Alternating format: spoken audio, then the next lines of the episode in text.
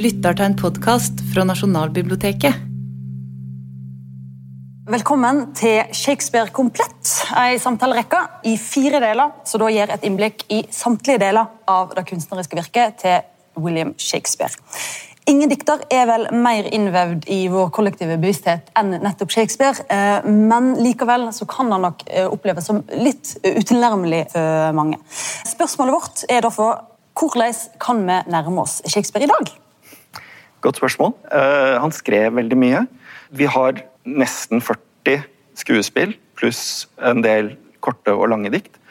Og det litt utfordrende er jo at omtrent 20 av de uh, skuespillene har en slags klassikerstatus, fortsatt blir spilt, fortsatt blir brukt, fortsatt blir lest, men uh, på en ganske løsrevet måte. Da. Vi leser Hamlet uten nødvendigvis å sette det inn i en større uh, shakespearsk sammenheng.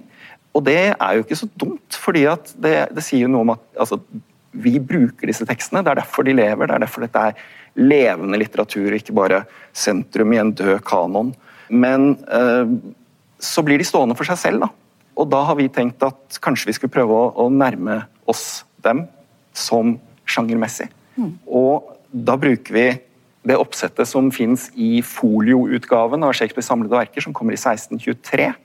Altså etter at Shakespeare er død, som deler inn disse stykkene i tragedier, komedier og historiespill. Eh, diktene er ikke med i folioutgaven. Nei, Så vi kommer til å gå uh, sjangervis. Um og eh, Planen vår er jo på en måte å da prøve å få fram denne utviklingen i, i Shakespeare. Yes. som En kan, se, en kan følge denne uh, utviklingen. og da er jo uh, ikke bare Det som trer fram, er jo på en måte en kunstner som, som, som, som fomler og famler og utvikler seg. Uh, det skjer veldig mye underveis. Ja. samtidig så er jo ikke denne sjangerinndelingen den er ikke helt uproblematisk. Nei, langt ifra. fordi at langt på vei så er det snakk om en, en slags opprydning som redaktørene for folieutgaven gjør Eh, Henry Condell og John Hemming, som har vært skuespillere for Shakespeare og spilt i alle disse stykkene. Fordi at Når man leser Shakespeare, så oppdager man jo at nesten alle tragediene har komiske innslag, og det er ganske alvorlig i komediene også. Og Et stykke som Troilus og Cressida, for eksempel, som bare kommer med sånn til slutt, tydeligvis, er ikke engang med i innholdsfortegnelsen. Eh, mer i folioutgaven, men er skvisa inn mellom historiespillene og tragediene. Muligens fordi at man ikke har fått rettighetene før i siste liten. Men det sier noe om det stykket også, fordi at det er mørkt og morsomt.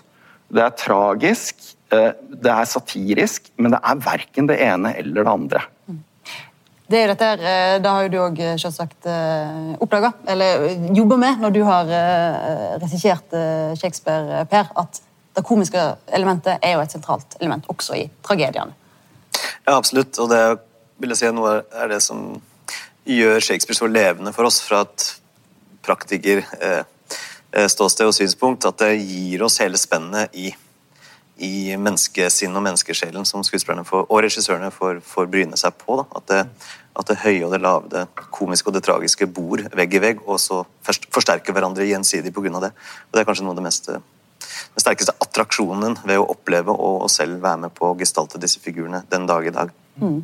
Uh... Det som er litt morsomt, det er jo at uh, allerede sir Philip Sidney, som dør i 1586 han går da til angrep på den engelske teatertradisjonen, nettopp fordi at de skriver ikke ordentlige tragedier. De respekterer ikke tidens og stedens, uh, stedets enhet i det hele tatt. Og de lar uh, konger og uh, narrer omgås hverandre, og det er verken fugl eller fisk, så han har et uttrykk. Han kaller det 'mongrel tragic comedies'. Kjøter. Kjøtere, nemlig. Det er en slags bastardsjanger. Mm. Og, og, det vi ser, er at Shakespeare holder seg på en måte innenfor det formatet hele tiden. Det kommer sånne klassisistiske forsøk på å lage ordentlige tragedier og ordentlige komedier eh, rundt ham, men han går aldri helt bort fra det. Og interessant nok så er det De siste stykkene han skriver, sent i forfatterskapet, de er de mest sjangerblandende av alle. Uh, det vi skal gjøre nå, er at uh, vi skal rett og slett uh, gå inn litt kort på alle tragediene som, Shakespeare skrev. det er jo her vi finner noen av hans, mest berømte skuespill, men vi finner òg en god del ukjente. Og Etter at vi har gjort denne liksom, lyninnføringen, så roer vi det litt ned, og så dykker vi ned sammen med Per i Macbeth, den blodigste av den blodigste, nesten. Nesten. Eh, The Scottish Play. Eh, men eh, det vi prøver nå, er å gå først gjennom det i sånn omtrentlig eh, kronologisk eh, rekkefølge. Eh, men kanskje vi skal si noe litt kort om Shakespeare sjøl først? Ja. Det er jo mange som mener at Shakespeare ikke var Shakespeare, men alt tyder på at han faktisk var det. Vi mener at Shakespeare var Shakespeare. vi mener det helt klart. Og den Shakespeare vi snakker om, han blir da født i Stratford upon Avon i eh, 1564, april. Sønn av en hanskemaker med katolske sympatier. Eh, han går på en god grammar school, men studerer ikke ved universitetet. Gifter seg i 1582, får tre barn. Og så begir han seg på et eller annet punkt til London for å bli først og fremst skuespiller. Og eh, der begynner han så smått også å skrive skuespill. Og dette er noe av det eh, vi vet noe om, fordi at i 1592 sånn, så er det da en av de andre eh, skuespillforfatterne, Robert Greene, som angriper Shakespeare fordi at han ikke er en universitetsutdannet eh, dramatiker, sånn som de andre er. Dette er universitetsutdannede menn som kommer til London, eh, blir arbeidsledige og forsøker å gjøre seg bemerket ved å skrive enten eh, litteratur eller skuespill. Og særlig det å skrive skuespill det er egentlig eh, litt odiøst, sånn at man forsøker å, å gjøre det eh, så fint som mulig. Og så kommer han der skuespilleren. Eh, og så begynner han å skrive stykker, og så tror han at han kan gjøre det like godt som alle andre, eh, og pynter seg med lånte fjær. Da ble han kalt en upstart crow. Så vi har et lite sånn snapshot av Shakespeare på vei opp i systemet. eh, som en slags trussel. da. Men det som skjer, er at uh, rett etter 1592 så blir jo alle teaterne blir stengt pga. ikke covid-19, men pesten. Uh, og de forblir da stengt fram til januar 1594. Og I mellomtiden der så skriver han da to langdikt som han blir ganske berømt for. Venus Anadonis og The Rape of Lucrece. Og når teaterne åpner igjen da, sånn i rundt mai 1594, så, så går han inn i et slags fellesskap med en eh, teatergruppe som heter Lord Chamberlains Men, der han er deleier, skuespiller og eh, manusforfatter. Og Det gjør at han er i en helt unik situasjon til å jobbe eh, konsentrert med eh, skuespillere, skrive for disse skuespillerne. Og ikke minst fordi at lord Chamberlains jobb, eh, eller rolle, var å skaffe underholdning for dronningen. Så de har på en måte direkte kanal inn for, til å spille for dronningen. Så Det er noe av det som gjør at Shakespeare får den posisjonen. For det er ingen andre som skriver på den tiden som også er deleiere i selskapet som de skriver for. Det er mer frilansarbeid. Mm.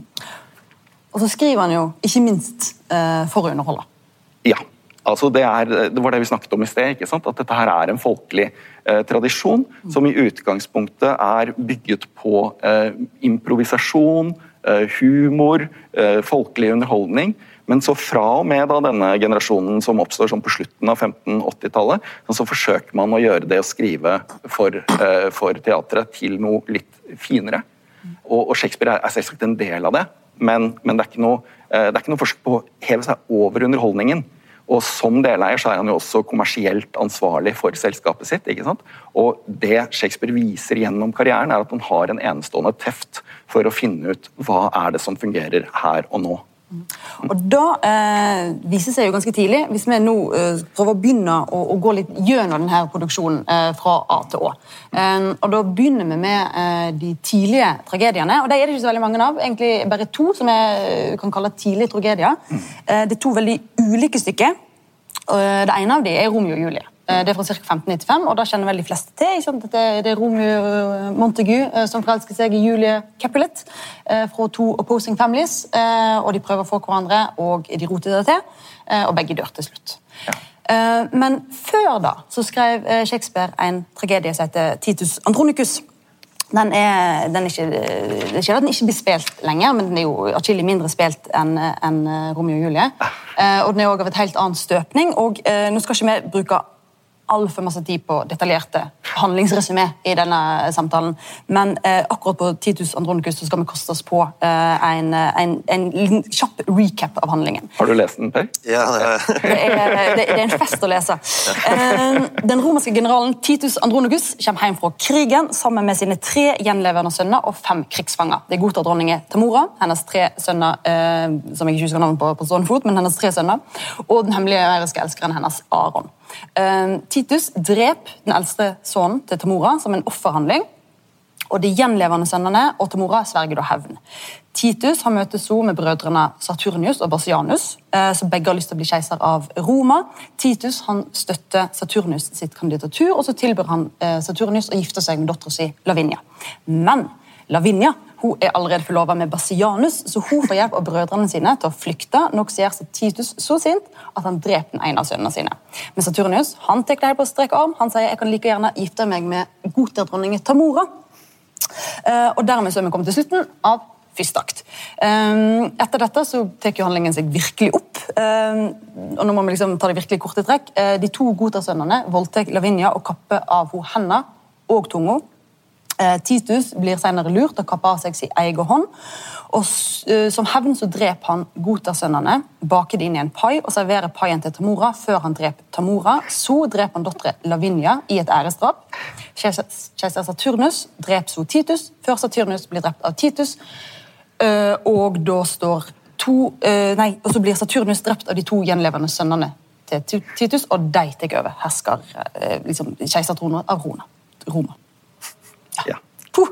Puh, det er, det er sånn såpass, ja. Eh, det skjer så mye voldelig og blodig og forferdelig i det stykket at du Det er eh, Ja. Jeg har sett, jeg har sett eh, liksom, ulike forsøk på å liksom, branda eh, Shakespeare-skuespill som sånn her eh, Shakespeares Game of Thrones, men det er jo dette som er det mest Game of Thrones Ja, ja. Shakespeare Ja, ja. eh, blir. Bortsett fra at noen mister hodet i hver scene. Eller en hånd. Ja, nei, altså Noe av det som er veldig spennende da, med Titus Andronicus, er at det er et stykke fra før Shakespeare blir med i Lord Chamberlains menn. Det vet vi fordi vi har en tidlig tittelside som forteller at den har vært innom Lord Stranges menn, uh, Sussex menn og uh, Pembrokes menn. Uh, sånn at, sånn at eh, det dette gir oss, er et bilde av, eh, av teaterlivet eh, rundt 1590, omtrent. Um, og, eh, og det vi også ser her, det er at, det er at Shakespeare, det Shakespeare og, eh, og hans medforfatter George Peel eh, gjør, det er eh, at de oppfører seg sånn som man skal oppføre seg innenfor det engelske repertoarsystemet, fordi at de har et repertoarsystem. Som gjør at man er mindre opptatt av hvem som har skrevet stykket, enn av skuespillertruppen som spiller det, som har en type program som identifiserer dem. Men samtidig så er det da rivalisering mellom de ulike kompaniene, som uh, hvis de ser at noe fungerer veldig bra i et annet repertoar, så må de også ha et lignende stykke som kan trekke publikum, sånn at ikke de får da monopol på uh, voldelige stykker, f.eks. Litt sånn Tragedie. Det er litt sånn Marvel uh, DC, nemlig. Så, så det uh, Peel og Shakespeare gjør her, da, det er at de, de forsøker å overgå de blodige amoralske tragediene til Christopher Marlowe, som spilles for The Admirals Men. Det er veldig tydelig. Uh, og det er bare at de skrur liksom blodspruten opp til 11. Uh, og, uh, og det er uh, og, og det er jo veldig, eh, det er veldig mye som skjer, og det var fryktelig populært. Uh, Vi har faktisk en nedtegnelse fra 1594 hvor Titus eh, Andronicus spille sammen med et tidlig Hamlet-stykke på et av teatrene til impresarioen eh, eh, Henslow. Og, vi ser at, det har vært veldig populært. Og det kommer også ut i mange tidlige bokutgaver. Så det, vi liksom ser ned på, det var the shit i rundt 1590. Så Samtidig så, så Det er jo litt umodent. det, er, vanskelig, det er vanskelig å, å, la være å tenke at dette er en, en umoden mann som prøver ut hvor mye blod han kan fylle, eh, han kan fylle scenen med. Samtidig så er det en litt mer alvorlig undertone der også. Det ser vi gang på gang i Shakespeares karriere. Sånn så går han da til eh, romersk historie, f.eks., når han skal eh, sette opp noe som, eh, noe som er litt for betent til at han kan snakke om det i, i engelsk sammenheng. Og Det vi ser her, er jo, er jo et rom, altså Titus er en fiktiv general, men vi ser Romerriket som bukker under der rett før republikken går under. Eh, at man forestiller seg at dette her skjer, hvor eh, alle blir vendt mot hverandre, dreper hverandre, voldtar hverandre eh, osv. Vi har Bartolomeus-natten i, i, Frankrike bare ja, kort tid før, der katolikkene har drept hugenottene i gatene osv. Så, videre. så det er en, slags sånn reaksjon på en utrygg samtid, en advarsel mot mot en borgerkrig også i, i, England, er det lett å tenke seg. Mm. Så er det et, et, stykke som har blitt, uh, i stor grad har blitt, uh, det var lenge undersett, og så har det i, større grad blitt litt rehabilitert i nyere tid. Blant annet av liksom, virkelig gode regissørtolkinger av det. da. Mm, absolutt. Så, men Romeo og Julie er jo på en måte, der har, ingen, har ikke trengt altså, Da er jo blitt stående på en helt annen måte. Absolutt. Der trenger vi ikke å, å, å forklare uh, forklare hva Shakespeare holder på med. Ja. Romeo og Julie er jo fortsatt uh, det voldelige, men, men uh, det, en, det, ligner jo mye mer på en komedie. det er et mye ja. lystigere stykke på alle måter. selv om det er egentlig bare, er egentlig bare slutten som er, er, trist. Og den slutten kunne jo egentlig veldig fort blitt unngått. Det er bare at mm. timingen timingen til Romeo og Julie skjer seg uh, fullstendig. Mm. Sånn at de, de liksom råker inn i den her uh, triste slutten i stedet for den komiske slutten. Mm. Det er jo det er veldig interessant, fordi at uh, når vi ser på Titus, da, så, og også ser på alle de andre tingene Shakespeare skrev i samme periode, så ser vi at nesten alt han skrev som, som var ordentlig vellykket. og Det han skrev mest av, var jo komedier og delvis historiespill. Men, men det er komediene han liksom, det er det han får til først. Uh, og, så får han ikke helt til disse tragediene. Altså Selv Titus Andronicus det er blodigere enn Marlowe, men det er ikke så gøy som Marlowe. Uh, og, noe av det han gjør da uh, med Romeo og Julie, er at han, han, lager på en måte et, et komedieplott. Og så gir han det en unhappy ending, og så blir det en tragedie. Så får han inn det lyriske. Noe av det som er veldig spesielt i Romeo og Julie, er jo at Julie Det er ingen som har skrevet sånne kvinne- eller jenteroller for teatret før. Og Det kan tyde på nettopp det at, at vi ser at, at, at, Shakespeare som deleier i lord Chamberlains menn, med tilgang til skuespillere, også ser hva de er i stand til å få til, og skriver da for disse unge gutteskuespillerne, som man ikke skulle tro at hadde noe stort eh, spenn, men, men, men ser at, at, det har de. At det går an å skrive gode roller for gutteskuespillere som skal spille unge jenter som forelsker seg. Det, så det er en slags fortrolighet i måten mm. han skriver eh, særlig Julie på, som er overlegen Romeo på de fleste eh, måter, sånn mentalt i hvert fall, mm. kan en få inntrykk av, som, som, som gjør at dette peker seg ut. Det blir fryktelig populært, men så er det litt rart, han skriver jo ikke flere sånne tragedier. Nei, eh, hvis vi nå beveger oss til på en måte neste bolk, eh, hvis vi kaller, kaller, det da, så er neste tragedie det er eh, Julius Cæsar. Eh, dette er jo dette berømte stykket eh, om Julius Cæsar. samtidig så blir Julius Cæsar han blir jo da drept midtveis i stykket. Og i sentrum står dette spørsmålet om det var riktig av Brutus å drepe herskeren av Roma eller ikke. Og eh, ja, kanskje Den mest berømte scenen i dette skuespillet er vel eh, den talen der Marcus Antonius vender eh, folket mot Brutus. Altså Folket var egentlig sympatisk med Brutus sin sak, mm. og så i en sånn fantastisk retorisk øvelse så snur Marcus Antonius eh, stemningen. Men eh, dette her er jo da i årene dette Julius Cæsar er på 1599 ca. Uh, The Globe ble akkurat bygd altså ja. Shakespeares uh, teater. Mm. Uh, og så er det òg de siste ti, den siste liksom, perioden av Elisabeth 1. sin regjeringstid. Ja. Alle disse tingene tror jeg spiller, uh, spiller inn. han skriver jo som sagt, ikke så mange tragedier i den perioden. Han skriver komedier og han skriver historiespill som handler om, om den engelske historien, som er en måte å diskutere overgang fra en, styr, en regent til en annen. ikke sant? Mm. Men det er ting han ikke kan touche i historiespillene. Og her kommer det poenget fra Titus Andronicus at da går han til Roma. Og uh, Julius Cæsar er jo da det ene stykket der en regent blir drept på scenen. Og, og, og, gjøre det i 1599, uh, eh, når Elisabeth begynner å bli gammel, snart skal dø, det vet vi, men vi vet ikke hvem som kommer til å overta. Det er stor usikkerhet eh, i, i riket, og det er stor usikkerhet for, for Shakespeare og kompani også. Overgangen til The Globe er jo ikke, er jo ikke uten problemer, den heller. Altså, det er faren til stjerneskuespiller Richard Burbage som eier da, eh, det teatret de har vært på, The Theater, men han eier bare teatret, ikke tomta. Så når han dør, så løper også leieavtalen ut, og så står de der da uten et teater. Men det de gjør er at de da stjeler med seg alle uh, bygningsmaterialene og bærer dem over elva og bygger opp uh, The Globe uh, fra, fra, bunnen av. Um, men samtidig så er det også da fordi at Elisabeth holder på å dø, så er det en ganske sånn repressiv holdning i riket. Det er bl.a. et skuespill som heter The Isle of Dogs som eh, er satirisk, for satiren eh, blomstrer i utrygge tider. Eh, og som fører til da, at myndighetene slår ned på det og setter da bl.a. Ben Johnson i fengsel. Thomas Nash, som også er med på å skrive det, må flykte. Skuespilleren blir satt i fengsel. Så, så det, er, det, er, mye snakk om, om, om, om, ytringsfrihet begynner å komme inn i Shakespeares skuespill. Og man, er, man, man, vet ikke helt hva som skjer, hvor man skal gå, hva, hva man skal forsvare. Og I Julius Cæsar har, har du jo denne scenen med eh, Sinna Eh, poeten Sinna, som blir drept av folkemengden fordi de tror han er en av konspiratørene som også heter Sinna. Og Det er nok en kommentar til denne usikre ytringsfrihets-satiriske situasjonen.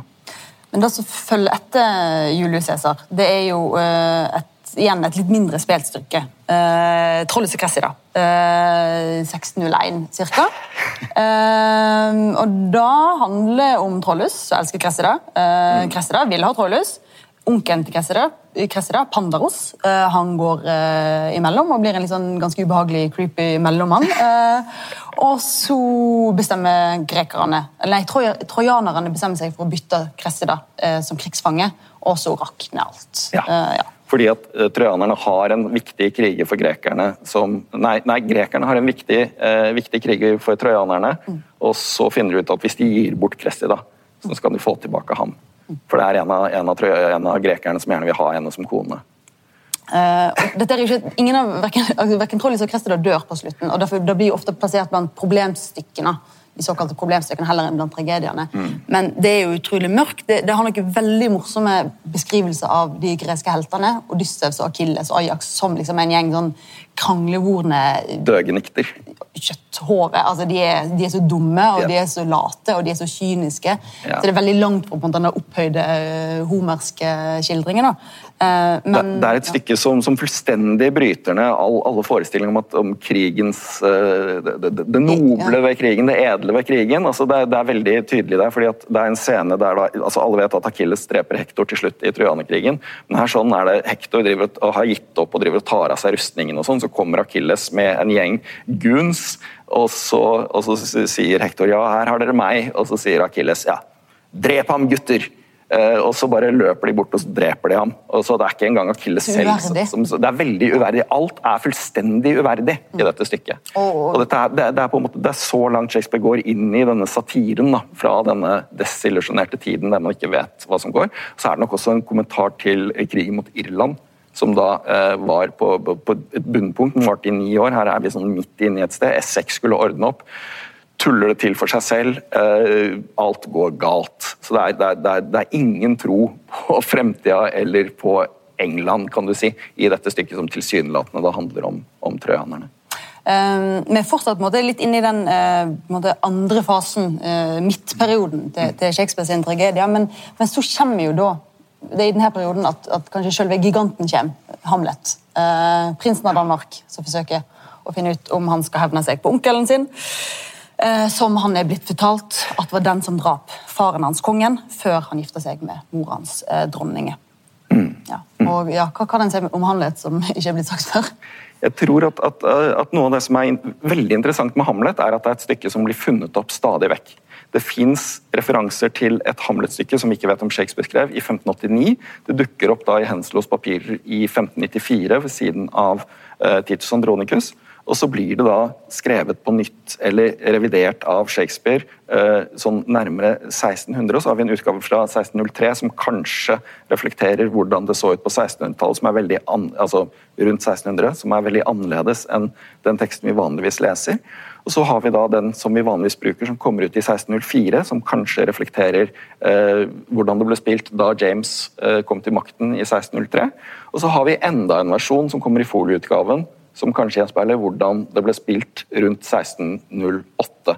Og ingen av disse overlapper helt. De er forskjellige.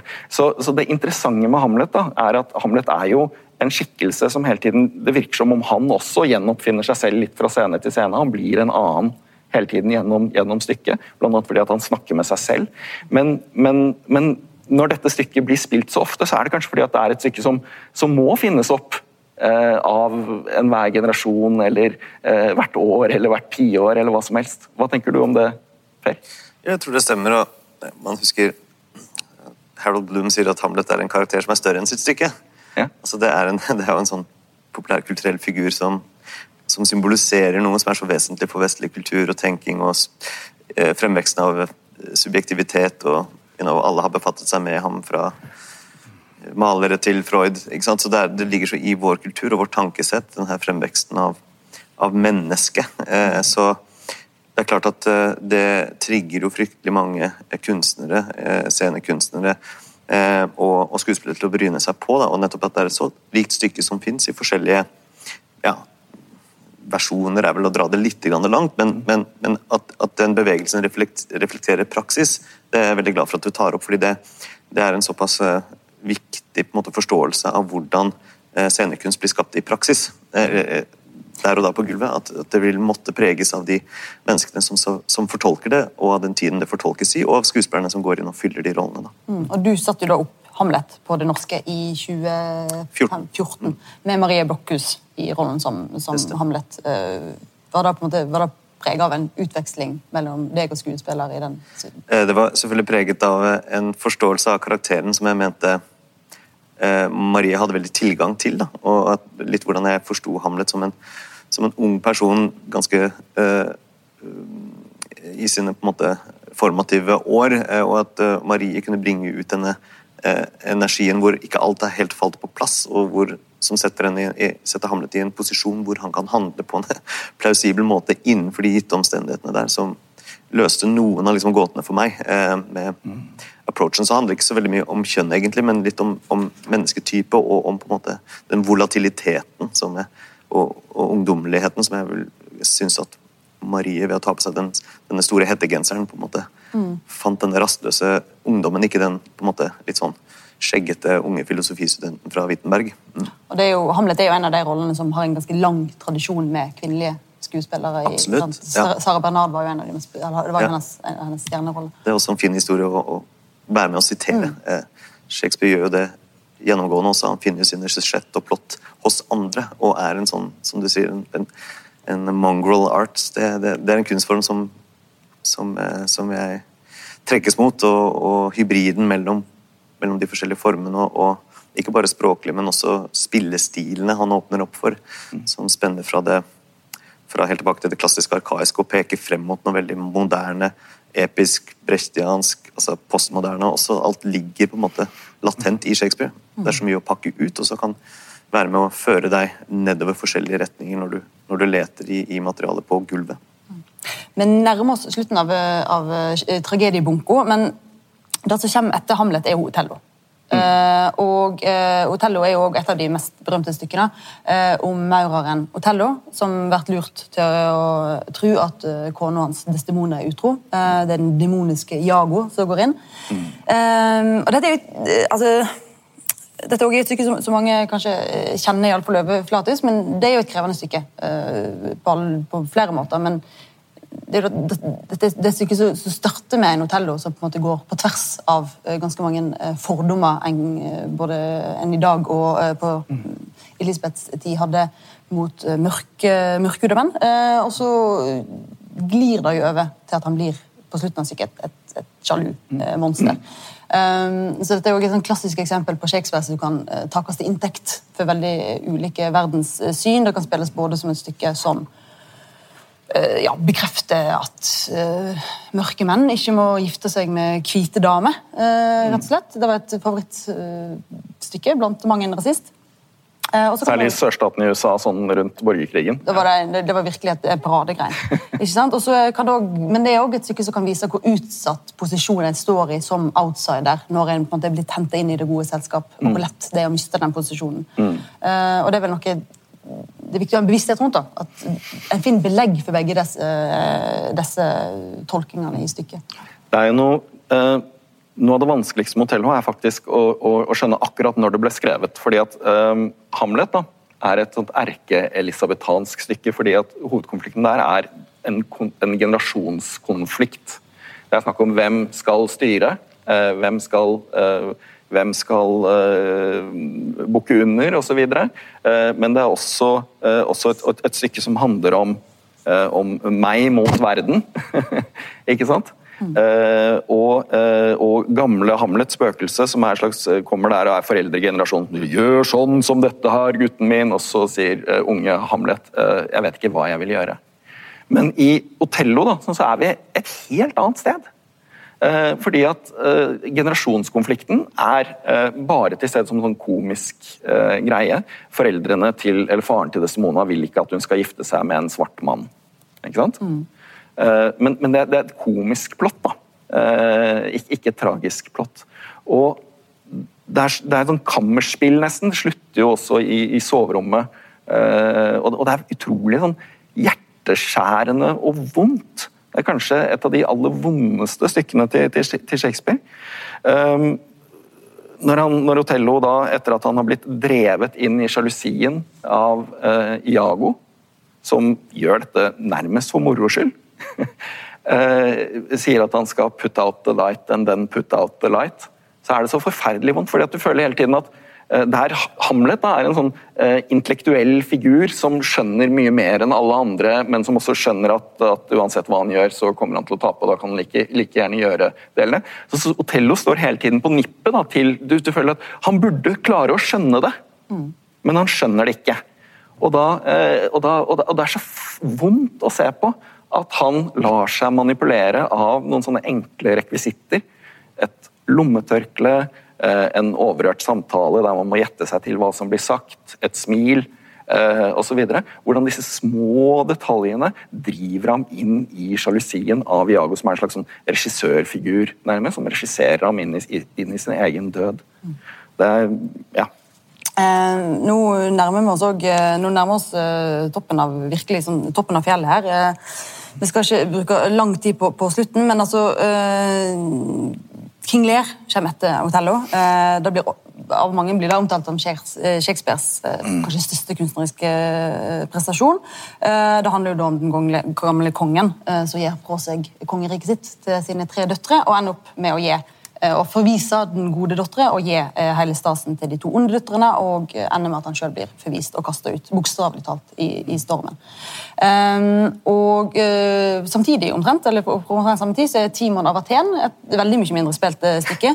Uh, det handler om en rik og raus mann som blir forlatt av alle vennene sine når uh, han ikke har flere penger å gi vekk.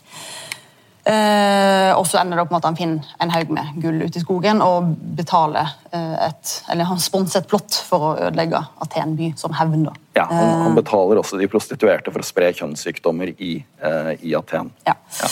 Eh, og dette er jo da på den tida at, eh, at eh, Nå kommer vi kommet til tronskiftetida. Ikke at Elisabeth yes.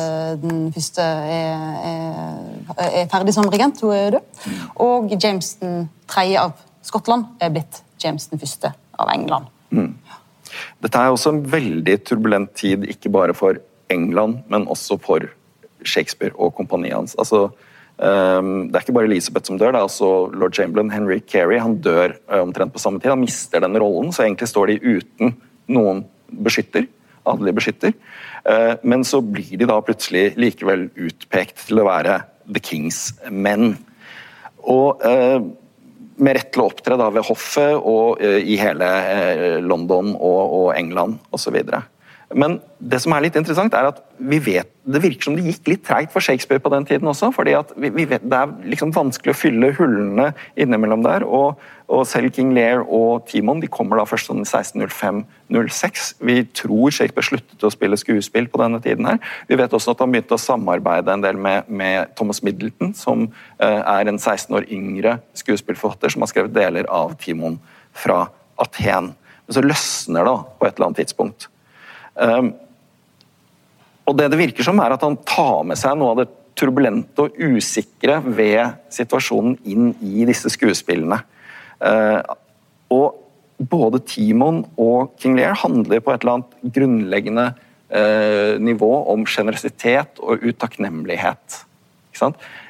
Lear vil være sjenerøs, dele ut til døtrene, men samtidig så stiller han da disse kravene om at de må opptre for ham og vise sin kjærlighet, og så går alt fullstendig galt fordi at han, han hører på smigeren og, og, legger ikke merke til.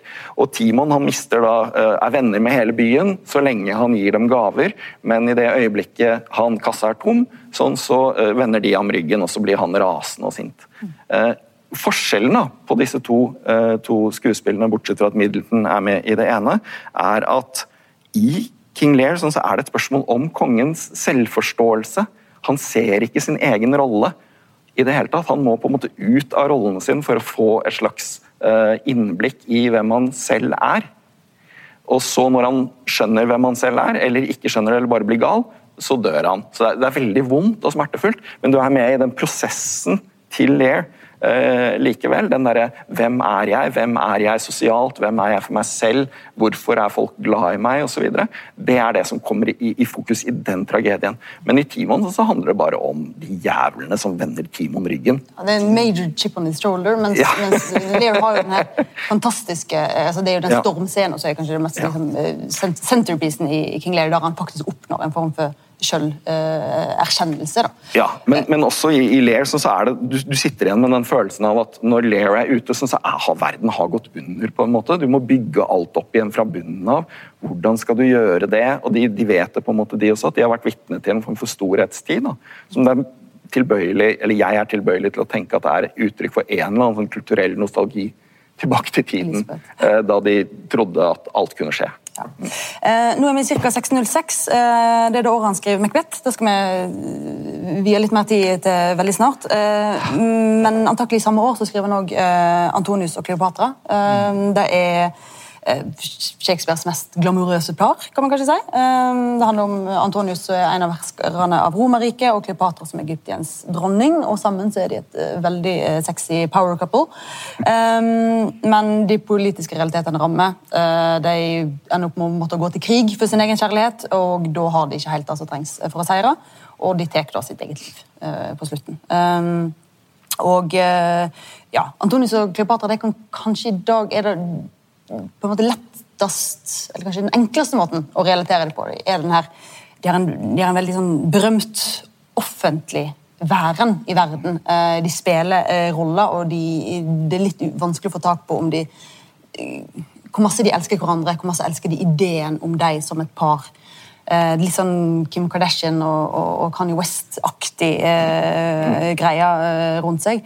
Um, så ja, jeg tenker at Hvis en skulle liksom valgt et Shakespeare-stykke og gjort det om til en sånn reality-serie, så ville det vært Antonia og, og Kleopatra.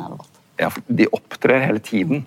Eh, det er det som er kjennetegner eh, dem, er at de opptrer hele tiden, og, eh, og, særlig da når de er sammen. Eh, men de opptrer for seg selv, de opptrer for hverandre. De opptrer på en måte for verden. De har en sånn veldig sånn offentlig eh, side. De er aldri sjelden alene. eh, de har scenen. ja, de har antorasjet sitt. Mm. Og når Antonius dør, da, sånn så mister jo Kleopatra favorittpublikummet sitt. kan du si. Og, og da kommer hun virkelig inn i sin rett. Ja, og da kommer hun inn i sin rett. Nemlig.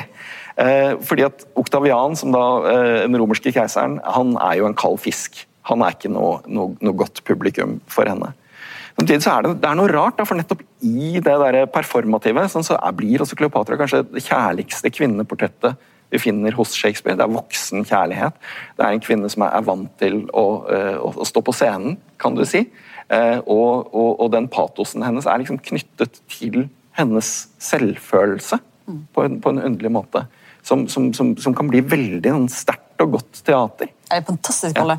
Ja. men uh, hun er på en måte den sexy egypteren. Uh, eller det er en eh, grov uh, vinkling, men, men, mens Jo, romerne er på en måte de, det er akkurat det, for Romerne ser jo henne som en kjip hore. Eh, Men, men, men vi ser henne ikke som det. Og Antonius ser henne ikke som det. Men eh, kjipe romerne er iallfall kjipe, og det er de òg i Coriolanus. Det er den siste tragedien eh, i Bunko. Eh, det er kanskje Shakespeares minst likte stykke. I alle fall minst likte hovedkarakter, og der er jo eh, konkurransen ganske skarp. Vi skal jo snakke om Macbeth etterpå. Eh, Coriolanus eh, skrev i 1908. Det handler om en 1608. 1608, takk. Eh, det handler om en romersk general eh, som eh, har vunnet ærekrigen, vært overtalt til at det neste steget for han er å søke politisk makt. Problemet er Folket har akkurat uh, fått uh, politisk gjennomslag uh, i Senatet. Og Coriolanus han hater vanlige folk, og han nekter å skjule det. Og da er på en måte cruxet i, i stykket. Det ender med at han blir drevet ut fra Roma og uh, henter en hær som kan hjelpe han å ta hevn, men han blir også stoppa av mor si, som sier, så ber han om å vise nåde. Og når han da bestemmer seg for å vise nåde, så blir han drept for forræderi. Så det er blik. Ja, det er, det er veldig mørkt. og Det som er litt interessant, da, er jo at Coriolanus nesten er en sånn anti-Kleopatra. Fordi at uh, det Coriolanus absolutt ikke vil gjøre, det er å opptre for folket. Fordi at det er sånn, Man må vise fram arrene sine. 'Det fikk jeg der, og det fikk jeg der', og sånne ting. Og det nekter han å gjøre. Det er bare opptre. Ikke det hele tatt. Han er en self-made man. Hans uh, verdi er uh, knyttet til hvem han er for seg selv, og ikke hvem han er utad for folket. Så han nekter å inngå noen form for eh, kompromiss. Og, eh, og eh, i, det øyeblikket han, han gjør det, så går han da under. Og Her er det også en sånn tilsvarende scene som i den, eh, den fra Trøyles og Cressida, hvor eh, han da eh, Fordi at han slår seg da sammen med Romas fiender for å gå mot dem, han får liksom aksept der, så skal de marsjere mot Roma, og så kommer da eh, moren hans og overtaler ham til å, å vende om, og så kommer da hans nye venner eh, og, og, og dreper ham. Og Da er det også sånn at, at det bare er en masse folk som løper og river ham i stykker. Og Eufidius, som han da har inngått allianse med, han stiller seg da oppå liket til Coriolanus uh, i, i, i siste scene der. Og her er det kanskje du finner et av de, de, de Shakespeare-sitatene som er enklest å sitere. Kill, kill, kill, kill, kill. Nemlig. nemlig. Dette var faktisk T.S. Eliots favorittstykke. må sies. Han hatet Hamlet, men elsket Coriolanus. Han om det. Eh, men du, nå er vi kommet fram til, eh, til eh, den blodige rosine i eh, den enda mer blodige pølsa. Eh, Macbeth. Blodpølse. Ja, blodpølsa. Eh, Macbeth ble som sagt da skrevet i 1606 eh, cirka. Eh, og det handler om den skotske generalens Macbeths vekst og fall. Eh, den var da skrevet rett etter at England selv hadde fått en skotsk konge. og liksom, Stykket åpner med tre hekser som avtaler å oppsøke Macbeth etter en kamp. Eh, og I neste scene så ser du kongen eh, som får rapport fra en såra soldat om at Macbeth har opptrådt veldig heltemodig i en kamp, og han blir forfremma til The Thane of Corder. Og så I tredje, tredje scene så møter vi Macbeth og Banco, hans likemann. Og De møter de tre heksene. Så forteller han Macbeth, du skal bli konge. Banco, du skal bli far, eller stamfar til konga. Og Det er tre ganske korte scener. Eh, men det er veldig mye en som regissør må bestemme seg for. Hva skjer i disse scenene? Eh, Vi starter med deg, Per. Du, som- du satte opp Macbeth på det norske i 2016. 18, ja, 17-18. Ja. Ja. Nei, altså, det er jo på en måte eh, Hele konsepsjonen din står jo og faller litt på hvordan du leser eller forstår eh, disse heksene da, og denne profesien. Og det, når man setter opp Shakespeare, så, så forholder man seg også til en sånn ekstremt rik fortolkningshistorie og ikke minst sekundærlitteratur, så det er bare å begrave seg ned. Men, men så må man lytte innover og tenke ok, hva hvordan tolker jeg eller forstår jeg disse karakterene og deres beveggrunner. Eh, så jeg prøver alltid å lytte meg inntil, altså I den grad jeg mener dette stykket fortjener å bli spilt nå, så er det fordi det har en overføringsverdi. Eh, litt sånn som Shakespeare egentlig holder på med. Han, han snakker om eh, eh, contemporary events i, i, i England, men, men legger det til Roma. Eh, eller legger det til Danmark for, for mange mange hundre år siden. også Shakespeare. Så den avstanden den har alltid vært et veldig sånn eh, produktivt eh, eh, uh, spenn å, å arbeide med for, for teatret. ikke sant? Vi sier noe om vår tid, selvfølgelig vi og parabler og analogier og metaforer. Men, men, men det er klart at etter, etter psykoanalysen og etter alt dette her, så, så, har vi større muligheter for hvordan vi forstår karakterene eller figurene. Så i, i vår tolkning så la jeg ganske mye vekt på dette traume som ligger forut for stykket, hvor jeg skjerper en lesning av stykket hvor eh, paret Macbeth har mistet et barn. Redusert for meg til den enkle setningen 'den ultimate tap av kontroll'. Og det er ikke noe bevis for at de kan få et nytt barn. Eh, redusert av meg til påstanden 'fremtiden er død', de vil aldri ha noe fremtid. Ergo de må grafse til seg alt det de kan og forløse seg selv som både par og som ambisjoner og som individ her og nå på jorden. ikke sant? Mm. Fordi billedlig sett er etterlivet og fremtiden nektet dem. Mm. Og Dette blir også sagt i profesien ved, ved at nettopp Banco Fremtiden ligger åpen for ham, og han vil avle en kongerekke som også vil følge, føre frem til James, da, mm. som er etterkommer av flere annet. Liksom. Så i alle disse små nikkene. Men, men eh, for meg ble da heksene tolket som gestaltninger av en prosess som allerede var i gang i, i Macbeth sitt indre. et sånt et, et, traume eller et begjær som er lagt lokk på, og som bobler opp, og hvor disse heksene på en måte bare møter deg med det du på en måte det du ønsker og eller, eh, eller det du må på en måte bearbeide, eller set, setter i gang prosesser i deg som allerede er der, som ligger latent. ikke sant? Og dette er jo eh, vanlig i tragedien, selvsagt, at det er en tragic flaw som ligger latent, men som må få et puff, enten av en, en, eh, enten av en ja, divine intervention, eller noe som er mer mørkt og skummelt, sånn som i dette stykket. Mm. Men uh, det du nettopp ikke vet i Macbeth, er jo liksom, Du møter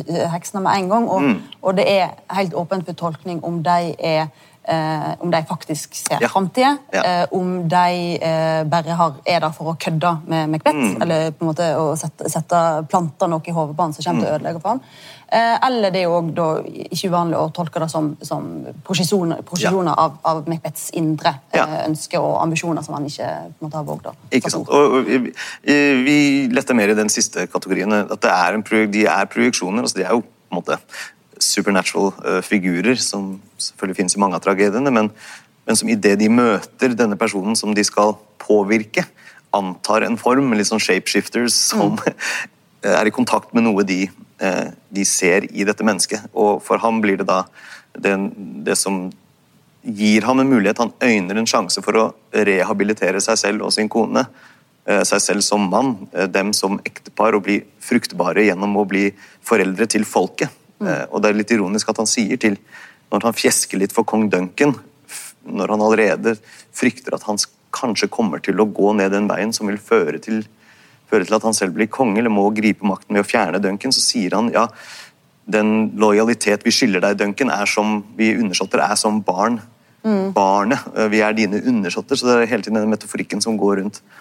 Hva er det vi eh, hva er denne rollen han ønsker å spille, hva er denne rollen de mistet som foreldre? Hvor, uh, hva, og så er det alt dette med selvfølgelig æreskodeksen. Han føler vel seg også forbigått uh, på et eller annet vis når, når Malcolm, denne Eh, ene sønnen til Duncan blir forfremmet til, eh, til den som skal arve tronen, for det var ikke noe automatikk i det samfunnet at, eh, at det var førstefødte sønn som skulle arve tronen. Så skulle være noen som viste seg verdig, og, og, alle beskrivelsene av Macbeth inntil det tidspunktet gir ham kanskje muligheten til å tro at han kan bli vurdert. Mm. Mm. Så føler han seg kanskje da forbigått der, og det setter ham også i, i i stand til å begynne å vurdere disse tankene. og Macbeths tragedie er at han på en måte blir fanget av sin egen eh, på en måte forestillingsevne. Eh, mm.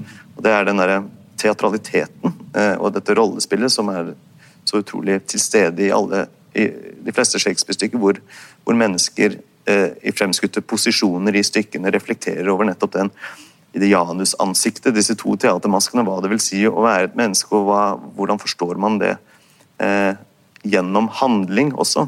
Mm. Og problematiseringen av handling versus på en måte eh, den tenkte konsekvensen av en handling som sjelden blir, sjelden blir som du trodde. Ja, Og Macbeth handler også veldig mye om akkurat det. at Selv om du kan tenke deg å overskue konsekvensene av dine handlinger, så, så får du uante konsekvenser for deg din syke. og jeg, I min lesning av Macbeth så blir han da litt sånn som du var inne på på en fin måte, dette her med å bli fremmedgjort for seg selv, for sitt samfunn, men også for, eh, innenfor, i, i, sin relasjon. da. Mm. Så Istedenfor at det er noen som kan knytte dem sammen og gi dem en ny mening og et nytt, nytt prosjekt, så, så degenererer det og, og, glipper totalt ut av deres, ut av deres kontroll. Mm. Men allikevel så klarer vi da å mobilisere en slags sympati eller medynk eller gys for de valgene han tar, fordi han problematiserer dette underveis og frykter det, men klarer på en måte nesten sånn på sånn compulsive vis ikke, eller, klarer ikke å la være å falle i sine egne feller, eller det han på en måte kan eh, annamme, men ikke, ikke helt overskue de psykofysiske konsekvensene av de handlingene han, han gjennomfører. Mm. Og han er vant til å drepe, og dette er en tid som er vant til å se mord og grusomheter og forferdelige ting, men det skjer innenfor, måte, eh, innenfor kontekster hvor det å drepe på slaktefeltet. og Det starter jo med et fantastisk bilde, dette stykket. En beskrivelse som jeg mener uh, også uh, er sentral for stykket. Det starter jo med at, uh, en beskrivelse av hvordan Macbeth ikke viser nåde mot en av disse opprørerne, men splitter ham fra navlen og, og, og, mm. skjærer av hodet og holder frem dette hodet, avkappede hodet av denne svikeren i triumf. Og hva skjer på slutten av stykket? Jo, Macduff, hevneren, kommer bærende inn på scenen med, med Macbeths avkappede hode. Og for en mann som er fanget av måte, konsekvensene av sine handlinger og umuligheten av å slå seg til ro med det, så er det på en måte kanskje den eneste veien det kan gå. At den, den prosessen, den kannibaliseringen av egen syke og, og traume, kan bare slutte ved at hodet skilles fra kroppen. Mm. Og denne bevegelsen, denne sykliske bevegelsen og dette bildet er utrolig en fin metafor for å ramme inn et stykke da, som handler veldig om dette, og, og som også hele tiden jobber med dette, den dualiteten mellom natur og naturen i ubalanse. Eh, drap av en konge på urettvist vil sette hele verden i ubalanse, og det vil, det vil føre din sjel til, til, helvete, eller fordømme deg til evige pinsler. Og, og, og, og, eh, eh, og, åpner opp disse rommene for også dette overnaturlige, men som, som like gjerne kan fortolkes som, som et sånt eh, skummelt sånn godnatta-eventyr, eh, mareritt, for for voksne. Altså, det er et, et marerittaktig drømmespill også i denne, mm. denne, tilstanden mellom søvn og våkenhet, og mellom, eh, mellom rasjonalitet og de, de irrasjonelle drifter og, og, ubearbeidede traumene som ikke lar seg kontrollere i psyken. Så det, du, ja, du, du omtaler, det var noen av de hovedbildene vi, vi jobbet med i vår tolkning av stykket. Og du, og du snakker jo om, det, måte, om, om eh, eh altså, hvis vi uh, ser på skuespillet, så er det jo det som skjer etter at det første Macbeth gjør, omtrent etter at han får høre, høre denne spådommen, er jo å skrive hjem til kona si. Mm. Uh, Lady Macbeth, som, som er, er, jo uh, på en måte helt en, en nøkkelfigur um, å tolke. og det er jo ofte blitt sagt at det er jo det mest vellykka ekteskapet i hele Shakespeare sin produksjon, det er jo uh, Macbeth og Lady Macbeth. De har et felles prosjekt. De har et ja. felles prosjekt. um, og uh, hun er jo den som når hun mottar brevet, mm. uh, så, så, reagerer hun, hun, hun øyeblikkelig mm. om, at, om, at, det blir hennes rolle mm. å stive opp Macbeth, ja. sånn at han faktisk skal kunne gjennomføre dette prosjektet. For hun mener han er egentlig to, milk, nei, to full of the milk of human kindness. Mm. At han, hun ser at han er litt mjuk, ja. så han trenger hun til å si opp. Og liksom, Da tolker Lady Macbeth. Eh, og hennes beveggrunner er jo heller ikke en eh, altså Det er jo noe jeg må ta, ta veldig aktivt stilling til som regissør. Ja. Hun kan jo være, det er jo da, hun kan jo være åpen når vi leser det, men du som regissør må jo faktisk du må jo på en måte velge en tolkning. Ja, og jeg synes det mest spennende med, med, inngangen til vår fortolkning av hvorfor hun handler som hun gjør, er jo nettopp det Macbeth ikke skriver eh, i dette brevet. Eh, som, som, på en måte ble veldig førende for hvordan jeg leser det, det at han, han nettopp utelater å fortelle om den del to av profesien. Litt sånn conveniently. Mm. Sier at det er spådd å bli konge, og det betyr at du eh, kan, se, du kan begynne å se for deg denne storheten. Jeg kan, ikke, jeg kan ikke nekte å si deg det, for dette involverer også deg.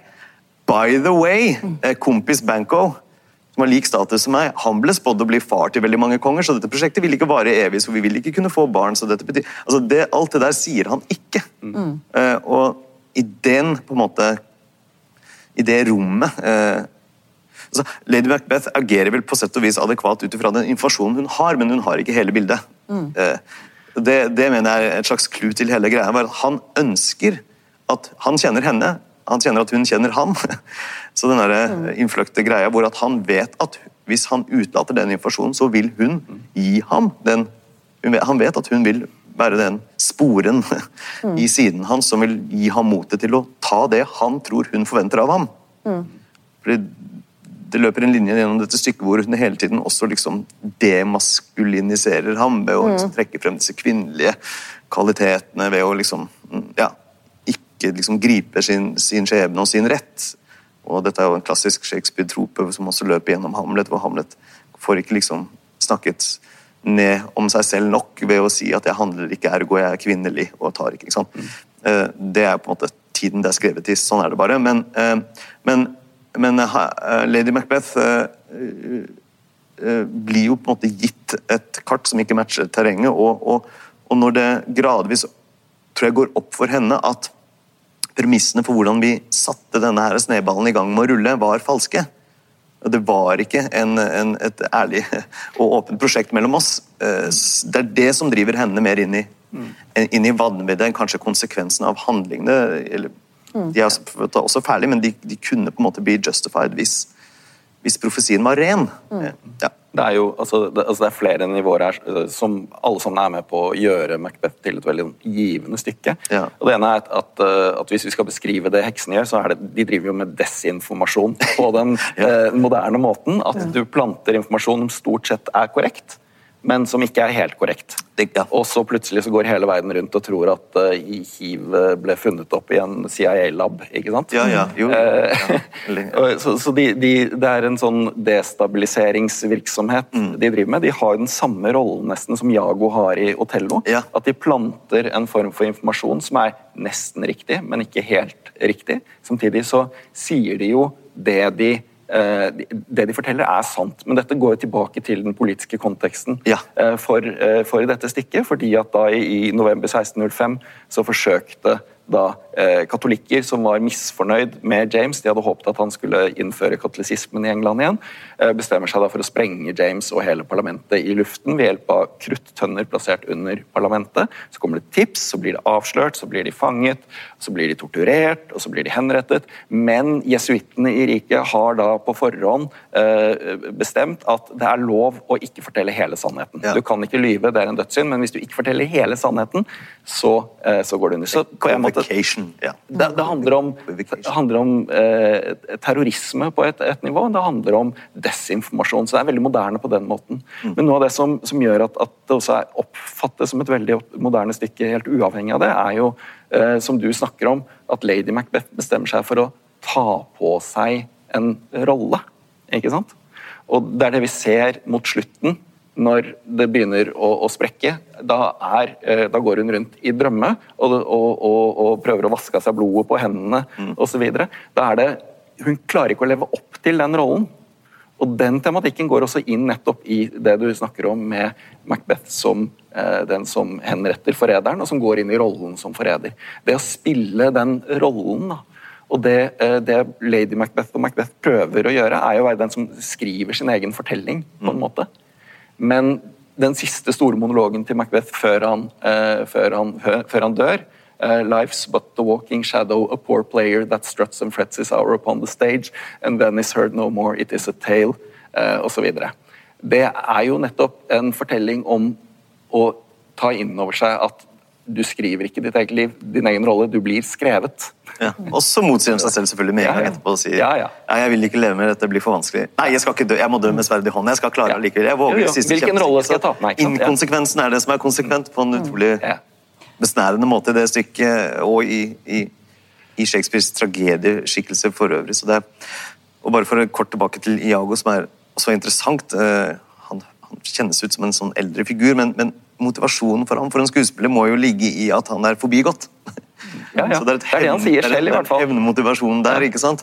Men det er klart at han, Han også eh, sier Det jo- kan også være, som du sier, eh, man kan trykke på alle mulige knapper og leke med også en sånn latent rasisme eller, eller hva nå enn som, som blir forsterket av forbigåelsen. Og hva ser man ofte når ja, hva, hvilket, hvilket dynamikker fører frem til menn som Trump da, i dag. Uten, man setter jo ikke opp Macbeth for å si noe om Trump, men man vil si noe om en dynamikk i en tid. Hva er det som ligger latent og lar seg, lar seg utløse når, når hekser som Trump kommer og trykker på noen knapper. Mm. Og enable veldig mange mennesker til å, eh, til å leve ut sider ved seg selv som de vanligvis klarer å holde nede. Det er, skummelt. Vi, vi, går, eh, vi må snart eh, runde av her, men jeg, tenker, når vi har en regissør her, eh, så tenker jeg eh, Macbeth er jo eh, stykket der vi får noen av de, det er de mest berømte scenene i hele teaterhistorien. Eh, de mest, det, eller, hvis en skal plukke, så er det jo den scenen du refererer til, der Lady Macbeth går i søvne eh, og, eh, og prøver å vaske av seg blodet på hendene sine. eh, Som er på en måte en, en, en, en, en klassiker på grensa til en klisjé. Og så har du òg den helt fantastiske bankettscenen, mm. der eh, Macbeth liksom virkelig blir innhenta av hva han har gjort. Han møter spøkelset til Banco. Kanskje ser han synet, kanskje gjør han det ikke. Samtidig som han har hele eh, liksom, gjengen med adelsmenn eh, gjester i hans hus. Og Lady Macbeth prøver å dekke over at han eh, mister det. på en måte. Eh, Hvordan nærmer du deg den scenen for å på en måte Ja, det, det tror jeg det der, uh, teatralitet er et veldig eh, godt stikkord. Altså at, at de må være veldig bevisst på de, de forskjellige forestillingene de spiller, ikke bare overfor hverandre, men overfor eh, teaterpublikummet, det faktiske teaterpublikummet, og det andre publikummet som er eh, gjestene i denne banketten. Så vi jobbet veldig med denne dobbeltheten, hvor han, Macbeth ble en host i midten, hvor han hadde ett publikum på den siden og et annet publikum på den andre siden. De var stilt i et sånt veldig sånn siste Last Supper-aktig frontalt tablå bakerst på scenen. alle eh, alle gjestene, og den eneste som fikk bevege seg fritt i rommet, var gjenferdet etter Banco og Macbeth.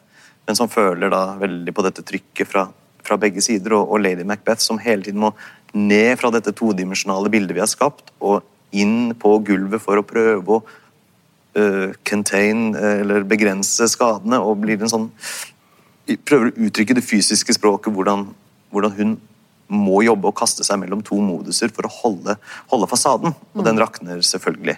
Ja, og til slutt må du bare be dem om Nei, det må bare gå. Ja. Dette går ikke lenger. Ja. Um, åpenbart veldig mye mer vi, vi kunne sagt, og fortsatt uh, i, i, i lange tider, men uh, jeg tror vi skal uh, runde av samtalen der nå. Tusen, tusen takk for uh, veldig hyggelig samvær. Og vi fortsetter med komedie, uh, historiespill og lyrikk i uh, følgende samtale, så bare håper vi flere som henger med videre. Takk for oss.